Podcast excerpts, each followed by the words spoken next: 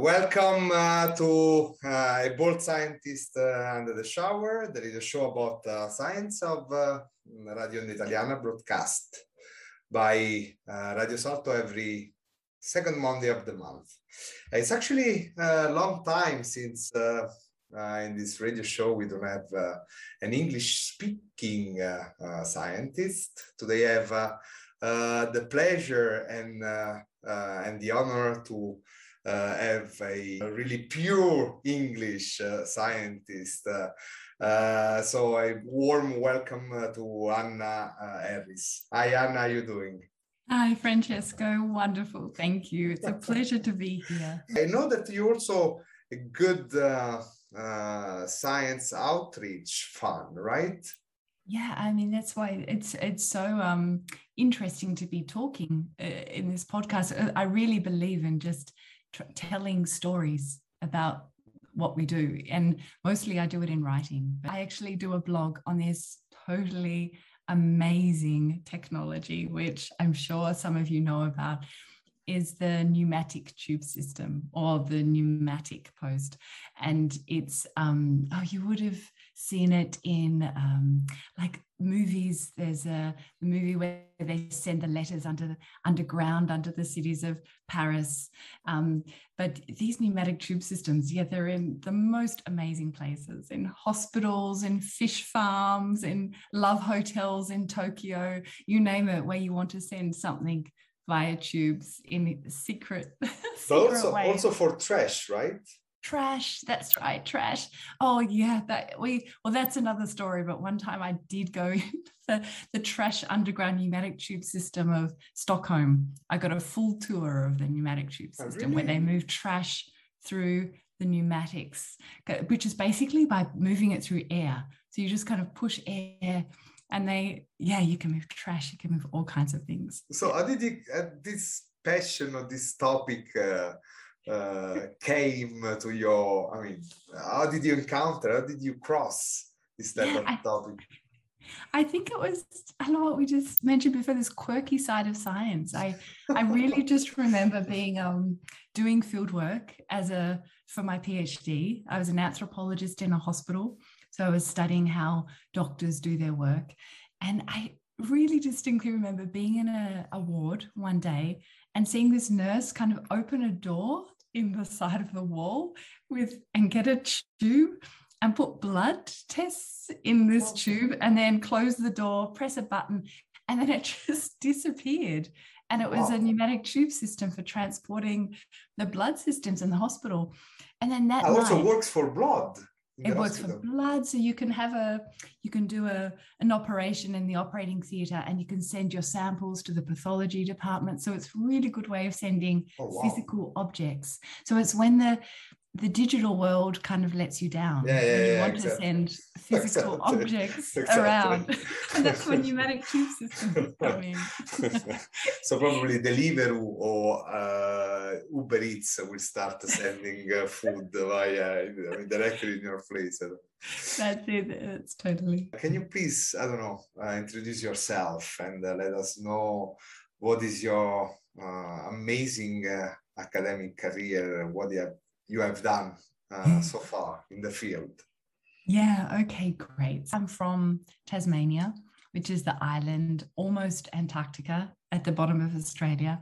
And that's where I grew up. And I had um, I had some neighbors who were scientists, and I thought that just seemed like the best job. And so I, I grew up in um, Tasmania and I ended up going into medicine because I thought that would be a way to do scientific research, to become a doctor and to go into medical research. And so, yeah, I studied as a doctor in Tasmania. And then I realized that actually I didn't want to be looking down microscopes all day and I didn't want to be in a lab. And this wasn't kind of what I imagined doing research. And I realized I loved being around patients, but I didn't want to do clinical work. And then I realized there was this whole field of social science research where you could be with people and do the kinds of people-based research, but it wasn't um, it wasn't called me- that I understood as medical research. It was anthropology. So I went back to uni and I studied medical anthropology, which is the the kind of the study of how different um, how health and illness is thought about in different cultural contexts. So everyone th- has different health beliefs and different ways of healing and thinking about illness. So i studied that and then i did um, a phd in this topic in australia in melbourne. I can and ask then, you a question now that uh, yeah. came up to my mind? So then uh, uh, also within the western type of medicine there are different type of uh, approaches? So, I mean, you are talking worldwide when you say different. That is a great question, Francesca, because I mean, when I first went into anthropology, I was thinking really of these kind of differences which um, were perhaps how, for example, women give birth differently around the world. But then when I started doing my PhD, I really realized that actually, so I studied doctors who were trained in one part of the world and had come to Australia to study, to practice medicine. And often it felt like they had come from a medical system that was very similar to our hospital system. But the differences were often, often it was these minute, small differences, which create so much um, so many challenges for how medicine is practiced. So within what could be called the Western biomedical kind of world, there are so many um, different kinds of practices which are to do with technologies being different, with hospital cultures being different, with so many um, different factors shape yeah. how medicine. It also depends on whether a system is private or public. Oh, absolutely. Yeah, that's a, that's a really important factor when it, when you have also um, yeah, how it's funded, how a system's funded. But it's also sometimes you don't realize these differences until you move across. I mean, everyone who's moved across different healthcare systems really knows what they've taken for granted before yeah. it comes to the fore when you um, moved. Yeah. So as an Australian now living in the Netherlands, I really notice a lot of differences as a patient. But yeah, as an anthropologist, you want to also find people and ways in, that highlight those differences. So for me, it was the doctors who would worked somewhere else that really highlight all the things that everyone takes for granted when they're in a place that, yeah, no one questions it. So you did anthropology in uh, in Tasmania, in uh, Australia. Yeah. And then you moved to the Netherlands.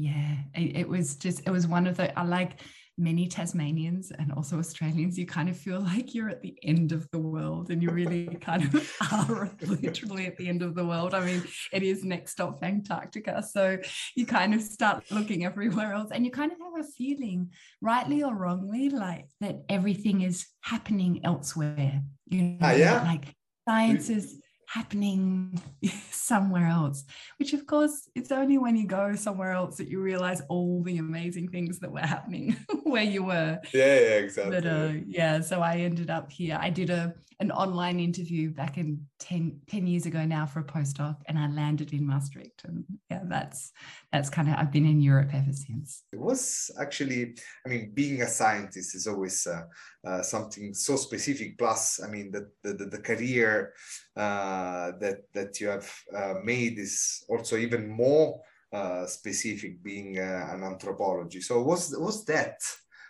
your childhood dream yeah, yeah, it's a great. I thank you for taking me back to my childhood and the dreams because it's it's important to remember them, and they they really are the spark that keeps you going.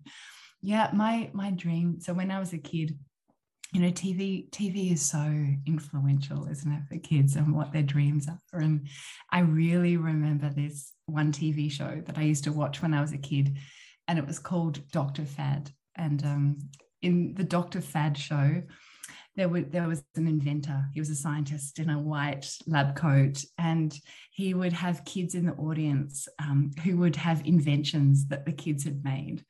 And um, they would be like the weirdest contraptions made out of like egg egg box containers and cardboard boxes and and they would like show their inventions and then he would like showcase like the science behind a toy like the yo-yo or the the you know some kind of like he'd unpack some toy. And i just thought that was what science was. Like it was like about playing with toys and inventing crazy things. And i just thought that sounded wonderful. And i just loved the idea of making inventions. And so i have to say i really i was just intrigued by this um, this sense of science. But when I got to high school, I mean, so my parents are in um, art and architecture. So I, I didn't kind of grow up around scientists, though we did have these neighbors who were marine biologists, which is like uh, yeah. very imagine when you grow up in Australia, like marine biology is the is the, the dream science because you're swimming with dolphins and you know studying tropical fishes.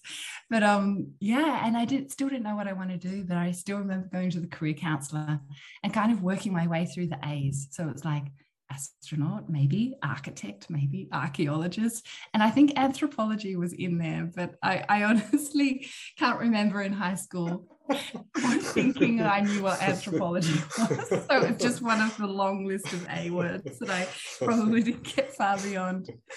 Very different from each other, by the way. I mean, besides anthropology and archaeology, the others, I mean, astronaut is quite far away from the other, for at least an archaeologist.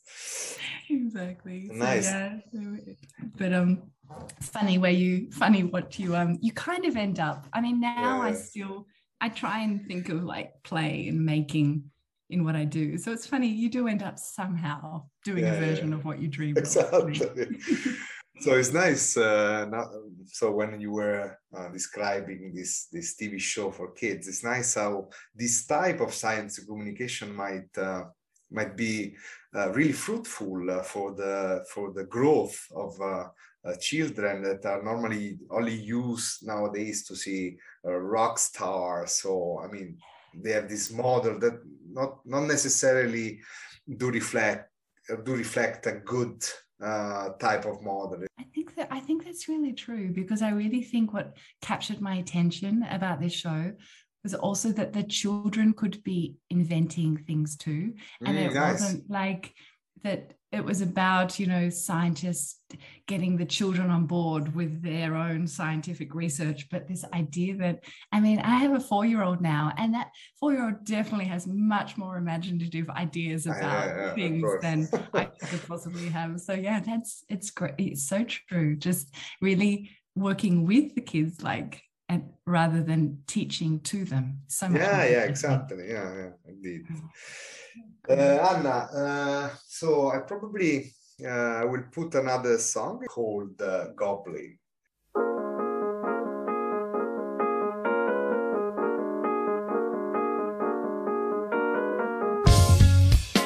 Some days, sometimes, one thing that I never do.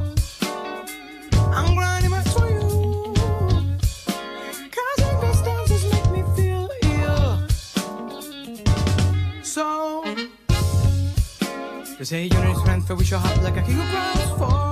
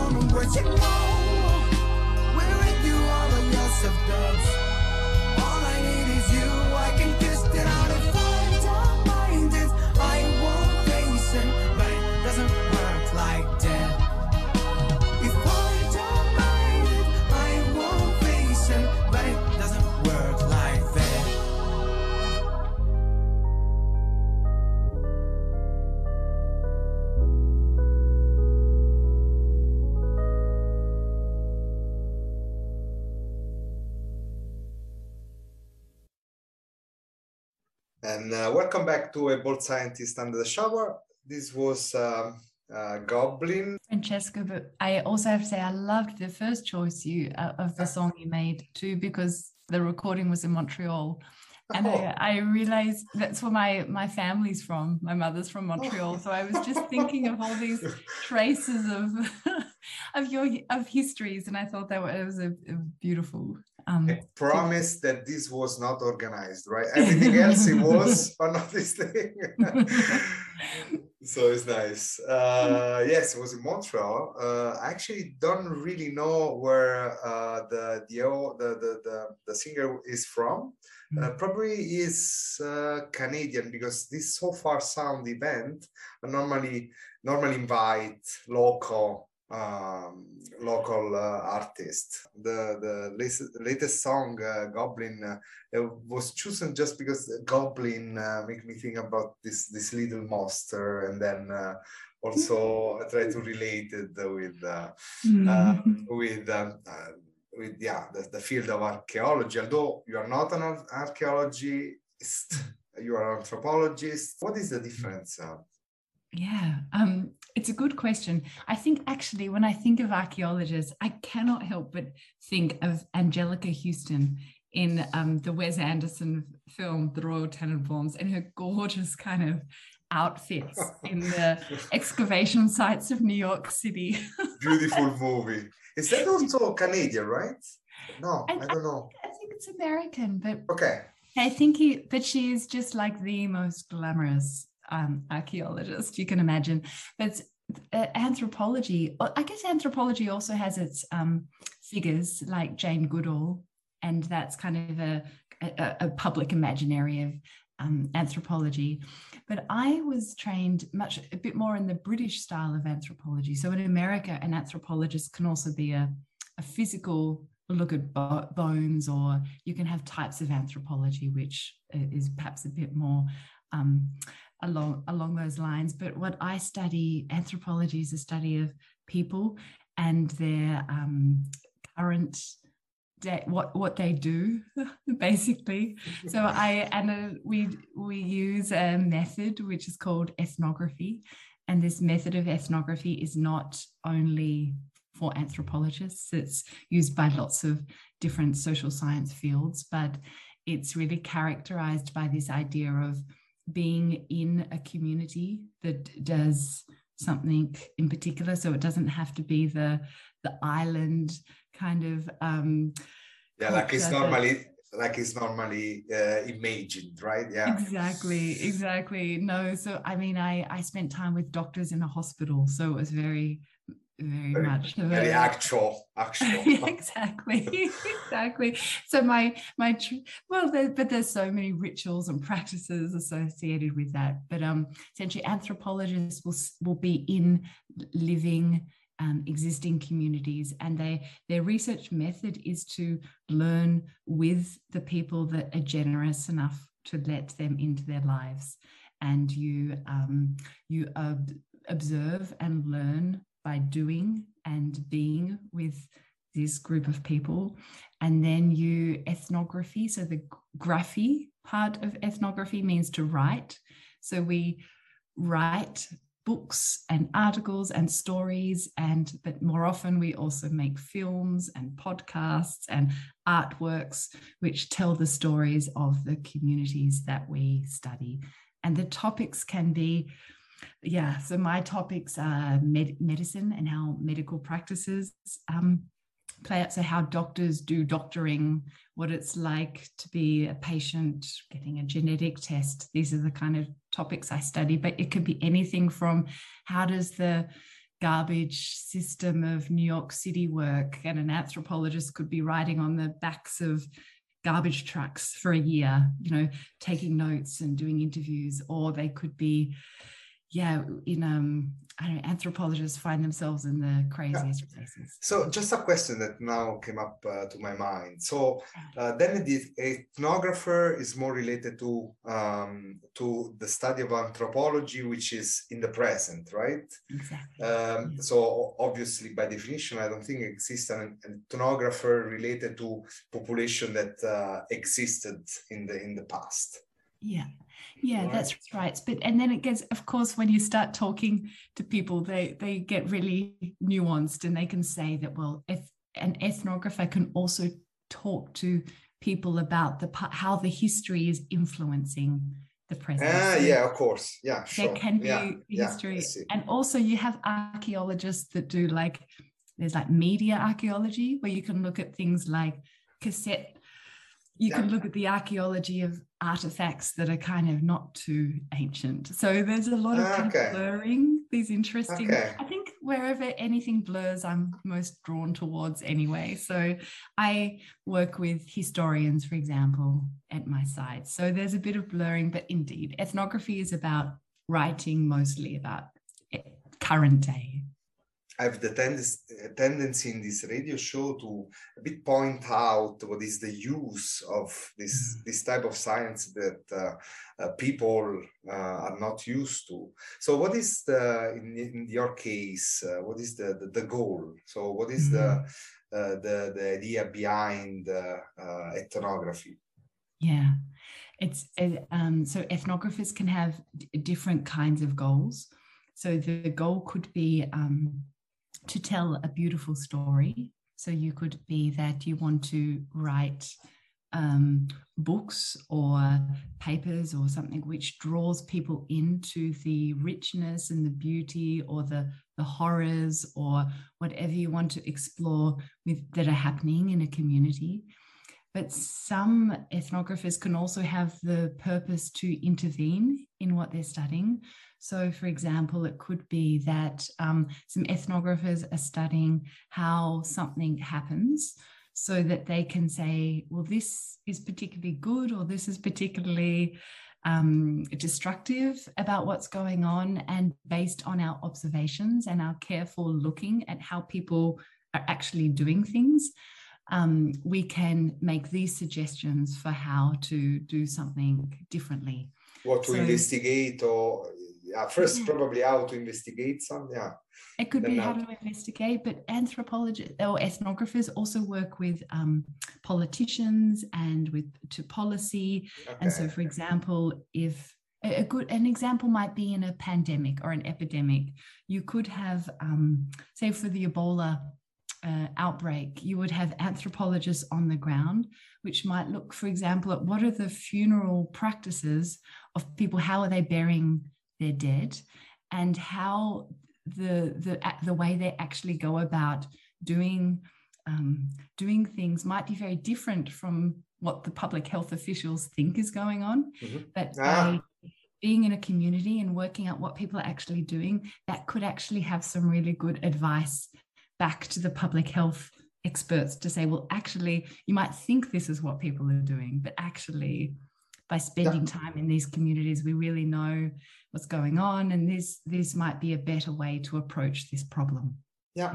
Okay, see, so it can uh, either be uh, such a uh, immediate practical advice to some politician, like uh, the example you did, or uh, I, I guess to make uh, I don't know uh, before uh, mm, proceeding towards an application, studying before uh, the the I don't know any type of uh, research uh, question. So to to create uh, an hypothesis about a uh, specific uh, research, for for example. Yeah, that is, I think that's a great, also another great use of ethnography where you, particularly when you're working with um, teams of different kinds of scientists, where you can inform, yeah, the research question or the hypothesis can be informed rather than like plucking something from a abstract or Yeah. a ideal. You can base it on um, what people are actually doing Yeah. in real life. Yeah, absolutely, absolutely. Yeah. Uh, are there, so now that I'm thinking, are there uh, strict or precise procedure or methodology uh, to be followed uh, in this type of uh, uh, in this type of uh, uh, job? Yeah. Oh, I think you really struck at the heart of like how the methodology is changing because there very much used to be the idea that you needed to spend a long amount of time in a Mhm. community and the same community and an ethnographer might have the one community you think of margaret mead going back to her site years and it was the site of her supervisors and she's kind of carrying on a lineage of doing field work and it goes over a long period of time and then so this is kind of almost like the the myth that you grow up in sometimes when you learn ethnography is first of all that it needs to happen for a long period of time and you need to be immersed. But at the same time, no one tells you this is actually what you do in this method. So, ethnography students are famously frustrated for being like, that no one tells me how to do this method. I'm just meant to like go into this community and observe and take notes. And it's only when you come back and you start talking to other ethnography students that you realize, oh that's how you did it and that's a, it's a really learning by doing method okay but um, it's changing a bit and i think that you will find many more handbooks on how to do a method, or, and you'll find less rigid um, holding on to this idea you have to spend 12 months. And that's for lots of reasons. I mean, you've you've got more women doing ethnography, and it's very hard to just say, I'm going to leave a family for 12 months, and as it is also for men. So I think there's this idea that people have families and lives, and you cannot just go and live somewhere easily for 12 months. Um, there's also the idea that funding um, doesn't allow you to just live somewhere else Yeah, for yeah, 12 yeah. months and do nothing but take field notes. That'd be So nice a- though. That would be nice. So there's a lot of like ex- pressures and social changes, which mean ethnography is changing. And also, I mean, the pandemic highlighted more than anything that there's this um, digital form of ethnography, which is growing in popularity. So that means studying communities online or being involved in social media platforms. So you can do a form of Ah, yeah. ethnography which Ah, yeah. is not about, yeah, necessarily Be on the field, yeah. Be being on in the field, street, uh, yeah. but the field is now the laptops, The world, the yes, of course. phones. Yeah. Yeah. so it's changing, I think, what it is. But I think more and more people are talking about they're trying to open up these things like how do you take a good field note is being discussed more because there's not so much this like holy silence around Okay, that you have to just learn by doing because I think um, ethnography is becoming a bit more um, spoken about in how as a Yeah. method, which is is good because I think it means that it becomes more um, understandable and not so distant from people understanding this as a method. Yeah.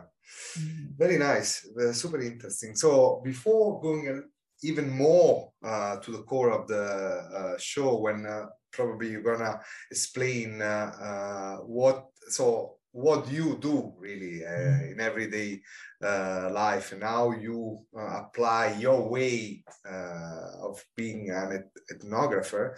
Uh, I would like to uh, put another song. So in this case, uh, it's an American band doing a little bit of jazz blues, a bit like actually the other uh, two pieces. And uh, so uh, the, the relation with the, the ethnography is, is, is the name of the band, is Low High, which once again it sounds really, uh, really exotic. So that's how I choose it. And I, I, I'm sure that you're gonna like this, this song as well. So let's uh, uh, meet again in a few more minutes.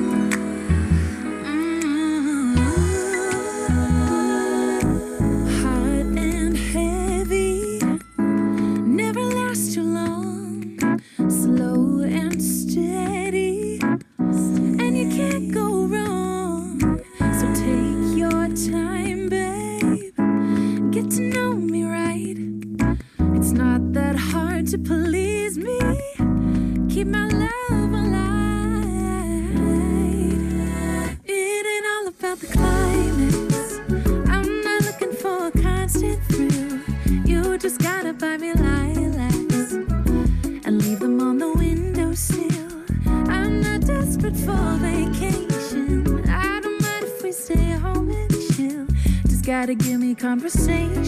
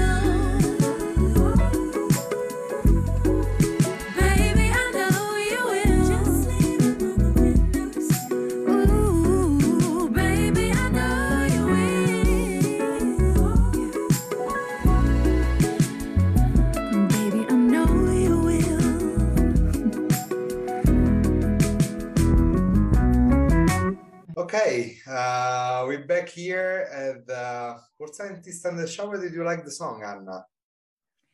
I, I did. I was um I liked all the I was thinking about all the do you see pictures in clouds and all these kinds of um it really made me think I've got the it- like what do you see and what do you kind of like Yes. what, exactly.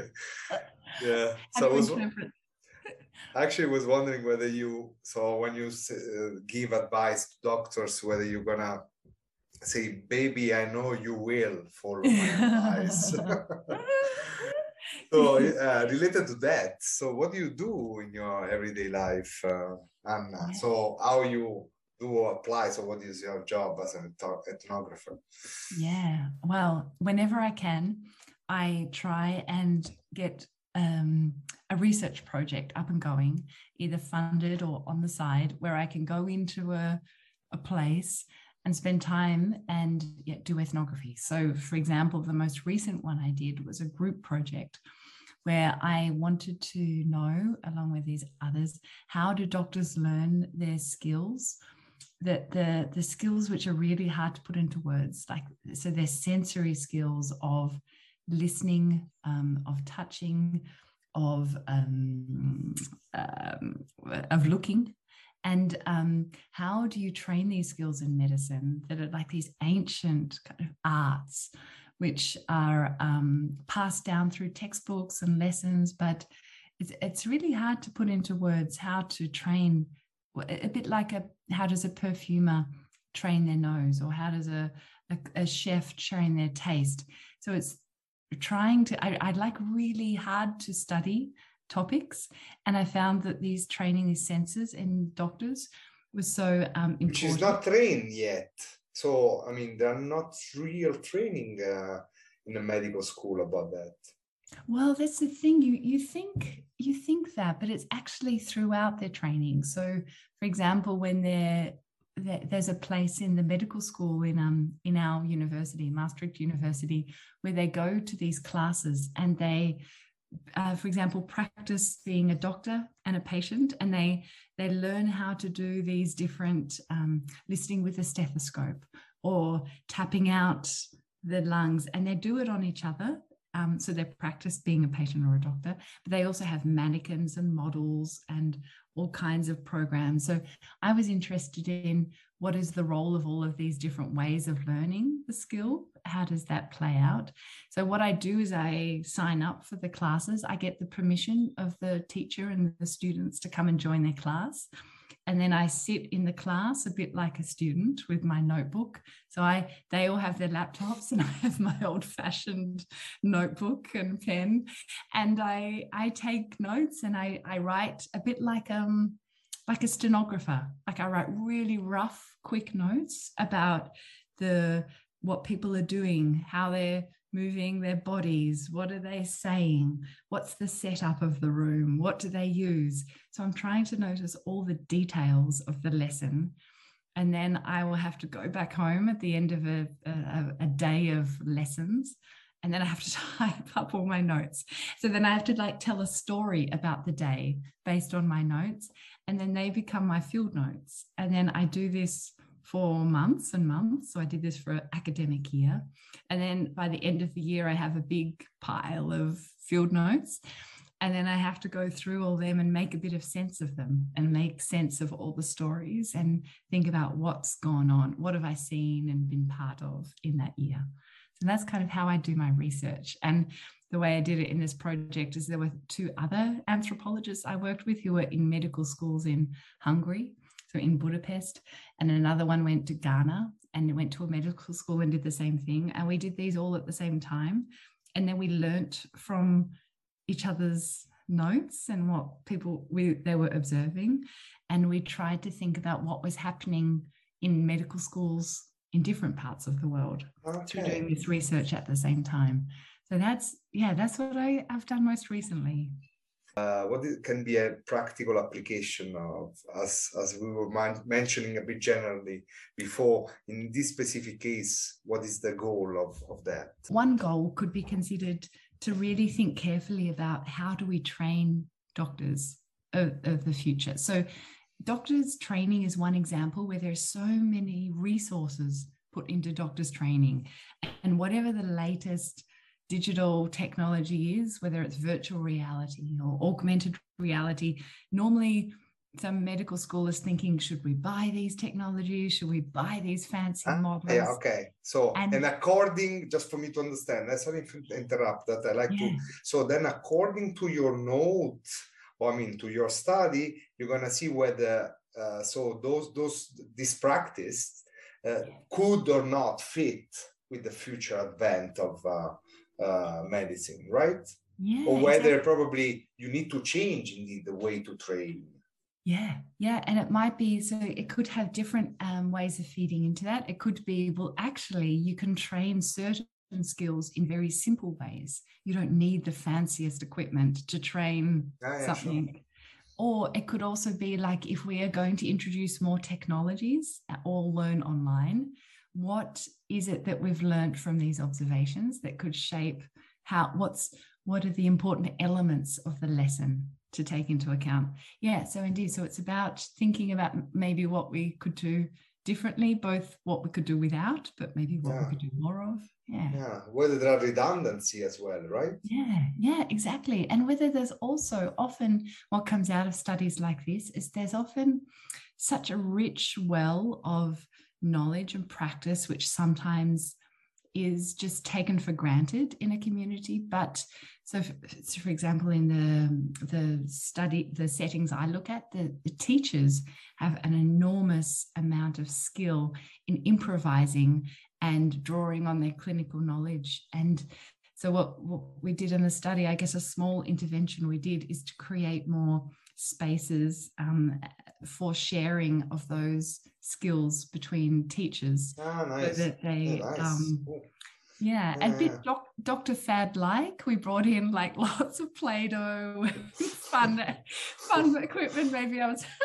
remembering my Dr. Fad lessons that you know we need to make things with our hands, but we so we did some of these workshops with teachers. But yeah, sometimes so the interventions can be very small. It can yeah, be just yeah, say we create um, a time and a space for you to do actually what you already do. But no, no, um, absolutely yeah. I know I totally understand, which is also uh, the goal of most of research. I mean, little step that uh, uh, do need, unfortunately, long time and uh, expertise to be uh, set. Yeah, yeah. Uh, I mean, empathy, for instance, is also one of the other things that you might see might be needed Uh, in some cases uh, uh, for for a specific training to be more effective. Yeah, I think what's really important and what you really see as an ethnographer, particularly of the, the first year medical students, is how much they come into medical school with these real that they they've come from yeah they've come from high schools but they've also have they've, they haven't been medicalized yet they they come in filled with thinking about their their family they can relate to their family and they haven't yet been trained into thinking about these abstract clinical cases or they haven't done dissection classes or so it's actually amazing to see how medical students can enter medical school filled with empathy. Like they actually really imagine what it must be like to be the patient. Yeah. and then gradually they you, medical school can have the effect where you start to become procedural or just have you've got so much to learn you don't have time to take that extra half hour to but i, I that's the cynical take i, I do think that um you can but you can understand a lot about how empathy can exist but could get lost along the way Yeah. Absolutely. Yeah. Uh, you probably won't believe it, but we're already at the end of the uh, of the show. It's crazy. I mean, it seems like uh, five minutes have passed. I thank you very much. You were very clear. Uh, also, thanks to your beautiful accent. Uh, was everything was, uh, I mean, incredibly uh, clear and um, to the point. Thanks a lot. I hope to see you uh, soon. Uh, both for I mean, uh, both in terms of uh, MYA, but also uh, probably to interview you uh, again, because I think there are still a lot of things to discuss about. I would love that. I love your curiosity, Francesco. It's an absolute pleasure talking about these things with you. Thank you. Thanks a lot, really. um, okay, I thank you also, Radio Italiano, to have hosted us uh, uh, this time, this uh, uh, Tuesday, as every second Tuesday of the month. And then I will leave you uh, with the last uh, uh, song, which is a French singer this time, Nadea. No, probably she's Canadian, actually, once again. Nadea with uh, At the Moment. So thank you once again, uh, uh, Anna, and see you soon.